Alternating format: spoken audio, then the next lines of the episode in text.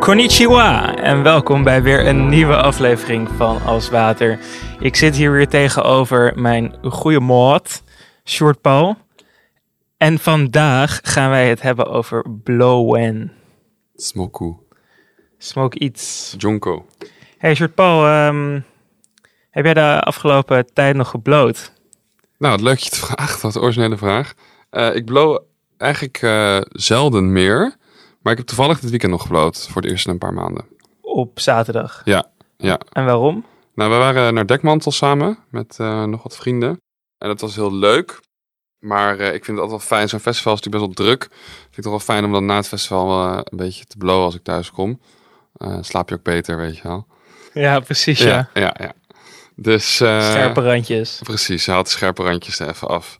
Dus, eh, dus dat vind ik altijd wel chill om dan een beetje te blowen en dan een beetje muziek te luisteren met mensen en zo. eh, een beetje langzaam de dag af te sluiten. Ja, De nacht eigenlijk. wat vond je van Dekmantel verder? Eh, ik vond het wel leuk. Ja, het weer was natuurlijk eh, niet, zo, niet echt optimaal en zo. Maar ik vond eh, ook wel harde muziek. Best wel eh, harde techno. Maar, eh, maar ik heb het leuk gehad. Ja. Mooi. Ja. Goed afgelachen. Goed wat? Goed wat afgelachen. Goed wat afgelegen, dus echt goed, goed eraf gelegen. Nee, ook. Oké. Hey, vandaag even een iets andere take. In plaats van dat we vragen stellen, gaan we stellingen doen. En dan kan de luisteraar ook meedoen of ze denken dat het waar is of niet waar. Ja. En dan eh, zullen wij zelf onze take daarna daarop geven. Oké, zal ik ze aftrappen? Ja, dat is goed. Eh, nou ja, goed. Dus we hebben- we handen- behandelen altijd wetenschap. En dat gaan we nu een aantal stellingen doen. En we beginnen met een, een hele straightforward stelling waar nog best wel wat eh controverse over is. Eh, cannabis is verslavend. Eens of niet eens? Waar of niet waar? Ja, ik denk dus dat cannabis mentaal wel verslavend kan zijn. Ik denk dat er wel een bepaalde afhankelijkheid van kan worden gecreëerd. Eh, want je ziet vaak dat. nou, het is natuurlijk ook een vlucht uit het hier en het nu en een manier om jezelf op een bepaalde manier te verdoven. Ik denk dat daar wel een bepaalde afhankelijkheid in kan ontstaan. Ja, zeker. Nee, daar heb je helemaal gelijk in. Cannabis is, eh, is zeker verslavend. En dan met name inderdaad op een soort geestelijke manier. Dat je het gevoel kan hebben dat je er niet meer zonder eh, kan. Ja, Eh, er zit ook wel een bepaalde lichamelijke component in, waarbij je echt ontwenningsverschijnselen ook eh, kan krijgen. Maar is natuurlijk wel minder heftig dan bij eh, echt harddrugs. Eh, maar ja, zeker. Cannabis kan absoluut verslavend zijn. Eh, het is natuurlijk een beetje een meme, hè? Ik weet niet of je dat wel eens voorbij ziet komen. Dat cannabisverslaafden altijd zullen ontkennen dat ze verslaafd zijn. ja Dus man, ik dan- vind gewoon chill, man. Ja. ik kan zo stoppen als ik wil. Ja. net als met roken. Ja, als ik echt wil stoppen, dan kan ik stoppen. Zeggen mensen dat? Ja, Ja, dat is echt bullshit. ja klopt.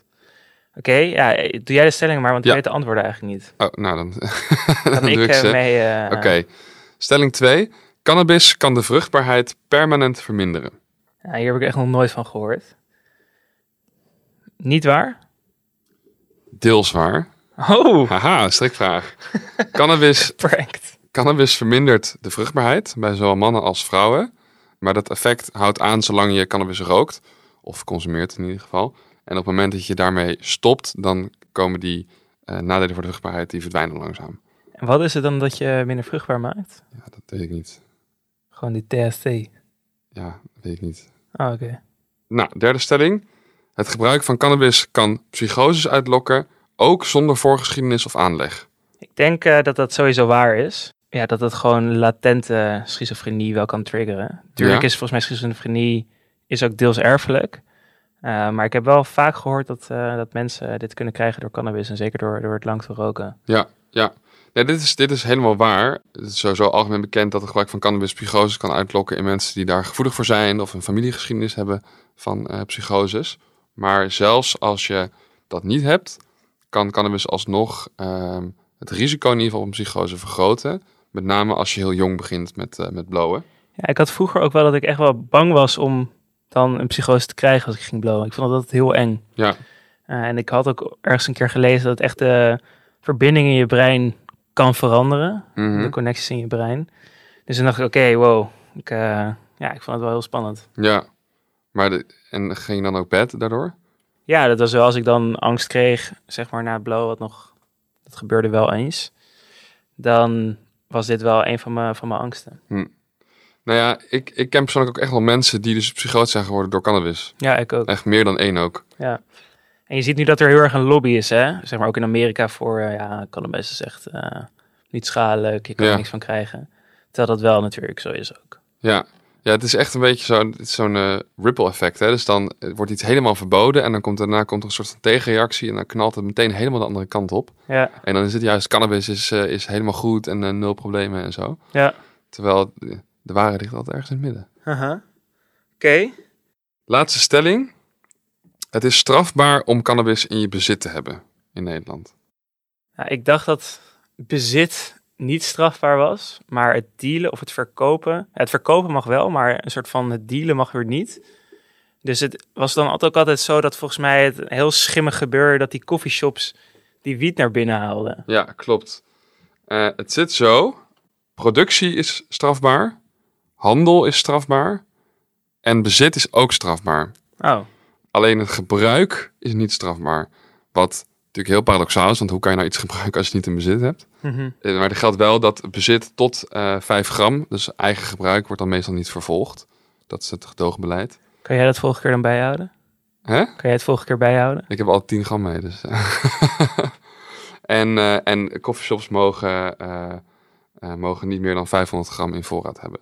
Maar in principe is het bezit van wiet dus al illegaal in Nederland. Ja. Eigen ervaringen. Ja, heb jij veel ervaring met, met blow of met andere consumptiemethodes? Want je kan natuurlijk ook een spacecake eten. en Je kan er een theetje van zetten. Je hebt eh, allerlei koekjes en zo tegenwoordig die je kan, eh, kan eten. Je hebt zo'n bong, waar je zo'n, pij- zo'n pijp waar je uit kan eh, roken. Ja, ik heb eh, eigenlijk twee fases gehad dat ik wel redelijk wat blode. Eén was toen ik in, eh, in Spanje woonde. Toen was ik 17 op 18. Had ik eigenlijk niet zo heel veel te doen. Ik had mijn ouders van overtuigd dat het een goed idee was om Spaans te leren in mijn tussenjaar. Maar het was voornamelijk veel chillen. Eh, toen heb ik een periode gehad en een tweede jaar van mijn studie. Maar ik merkte bij allebei de periodes dat ik toch wel een soort van de nadelige effecten ook wel zwaar vond wegen. Ja. Dus ik merkte dat ik minder sociaal ervan werd. Minder discipline kreeg en ook wel gewoon angstiger werd. En toen heb ik twee keer besloten om eigenlijk te stoppen na een tijd. Ja. En tussendoor dan wel eens gewoon hier en daar wel Ja, eens. gewoon één keer per, eh, weet ik veel, twee, drie maanden of ja, zo. Ja. precies. Ja, echt sporadisch. ja, en dan ook weinig. Dus niet een soort van helemaal eraf. Nee. Ik heb het ook wel, ja, zeker toen ik jonger was, dacht ik van oké, ik wil dat allemaal proberen. Toen heb ik ook wel spacecake gedaan. Nou, dat is echt bijna nooit goed afgelopen. En zo'n bong was al helemaal verschrikkelijk. Ja, Kreeg ik dan, dan dacht ik, oh ja, ik doe het wel gewoon. En dan deed ik één zo'n hit.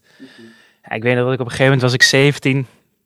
En toen had ik met eh, een paar Amerikaanse gasten had ik ontmoet in een club in Amsterdam. En die zei van, yo, kom alles nog blowen bij ons thuis. Ik zei, ja, is goed. Ze hadden zo'n Airbnb gehuurd midden in het centrum. En Ja. ik dacht, ja, oké, ik ga wel mee. Dus op een gegeven moment haalden ze zo'n bong tevoorschijn. Maar dat was echt zo'n ding van een meter hoog. Gewoon geen grap. ja. Dus zeg maar, het kwam echt tot mijn, ja, tot mijn borst ongeveer. ja clear the chamber. Ja, dus zij zeiden van, anders begin jij wel, weet je wel. Dus zij deden het erin. Dus ik neem zo'n hit en ik denk, kutzooi. En het begint gewoon helemaal allemaal, begint het te, te beven en te schudden. En ik denk, ook ik moet naar het toilet. Ik moet overgeven. Dus ik ren naar het toilet en ik zie gewoon allemaal olifanten en giraffes op de muur. En Oh, die joh. gasten ken ik verder ook helemaal niet. Dus ik vertrouw hen ook niet op dit moment, weet je wel. Ja, Ik denk van, kut, sorry, kom ik nou terug, kom ik nou terug. Toen uiteindelijk een soort van buiten bij mijn fiets gezeten, een uur lang. En toen naar huis gekomen.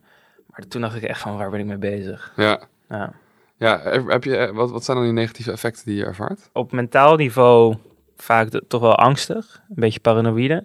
Fysiek niveau voornamelijk gewoon dat ik misselijk kan worden. Hm. Ja, dat is naar, hè? Ja. Vrees, ik vind misselijkheid een van de naarste gevoelens die er bestaat. Ja. En jij dan? Ik heb ook al een paar periodes gehad. Zoals wel grappig, de eerste keer dat ik blode was echt eh, ook wel een hele happening.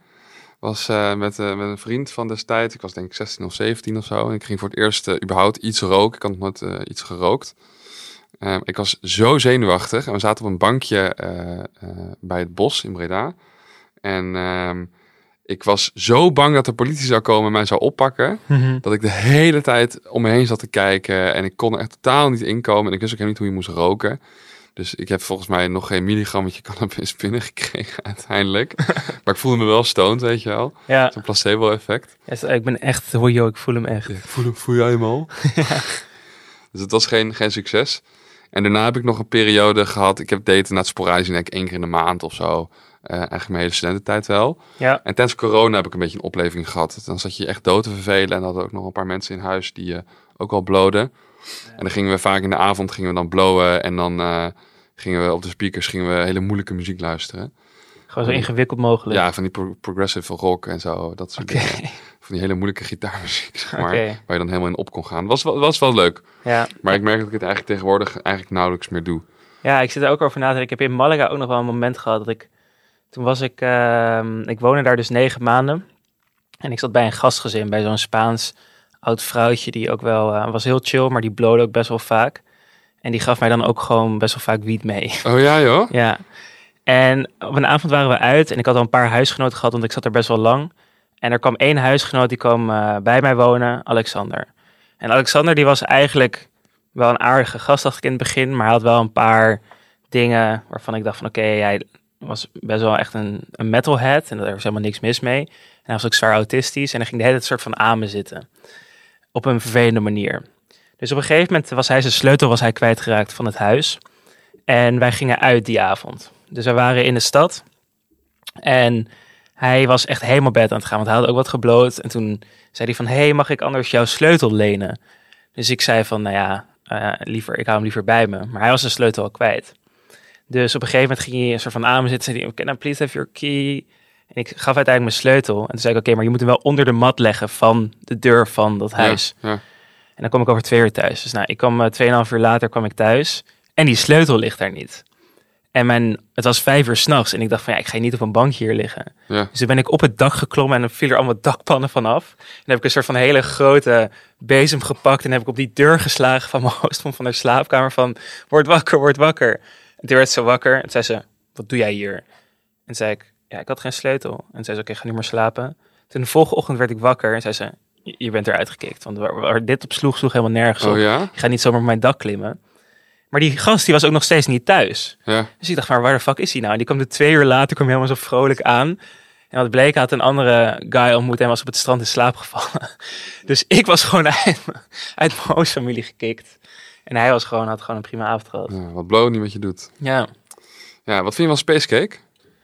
ja eh, gevaarlijk. Zeg maar, het is heel moeilijk om precies te weten wat de juiste dosering is. En het werkt ook gewoon heel lang. Ja, Dus nou, ik ben er geen groot fan van. het is nog nooit goed gegaan bij mij. Nee? Nee, ik heb alleen maar slechte ervaringen ermee. En elke keer dacht je weer, laat ik het nog een keer Nee, doen. ik heb het denk ik drie of vier keer gedaan, maar daarna Oké. heb ik ook echt een, een aantal jaar geleden besloten van dit hoeft echt niet meer voor mij, want het is echt eh, heftig. Ja, het is heel heftig. Ik hoef het echt niet. Nee, wat ik van de cannabis merk is dat ik gewoon wel echt een druk hoofd ervan krijg, wat positieve en negatieve effecten heeft. Het positieve is dat je een beetje, nou, ik weet niet of je echt creatiever wordt, maar je fantasie wordt in ieder geval heel veel rijker. En dat vertaalt zich dan bijvoorbeeld ook wel echt in, in hele grappige humor. Ik kan altijd heel erg lachen met vrienden als ze geploot hebben, zeg maar.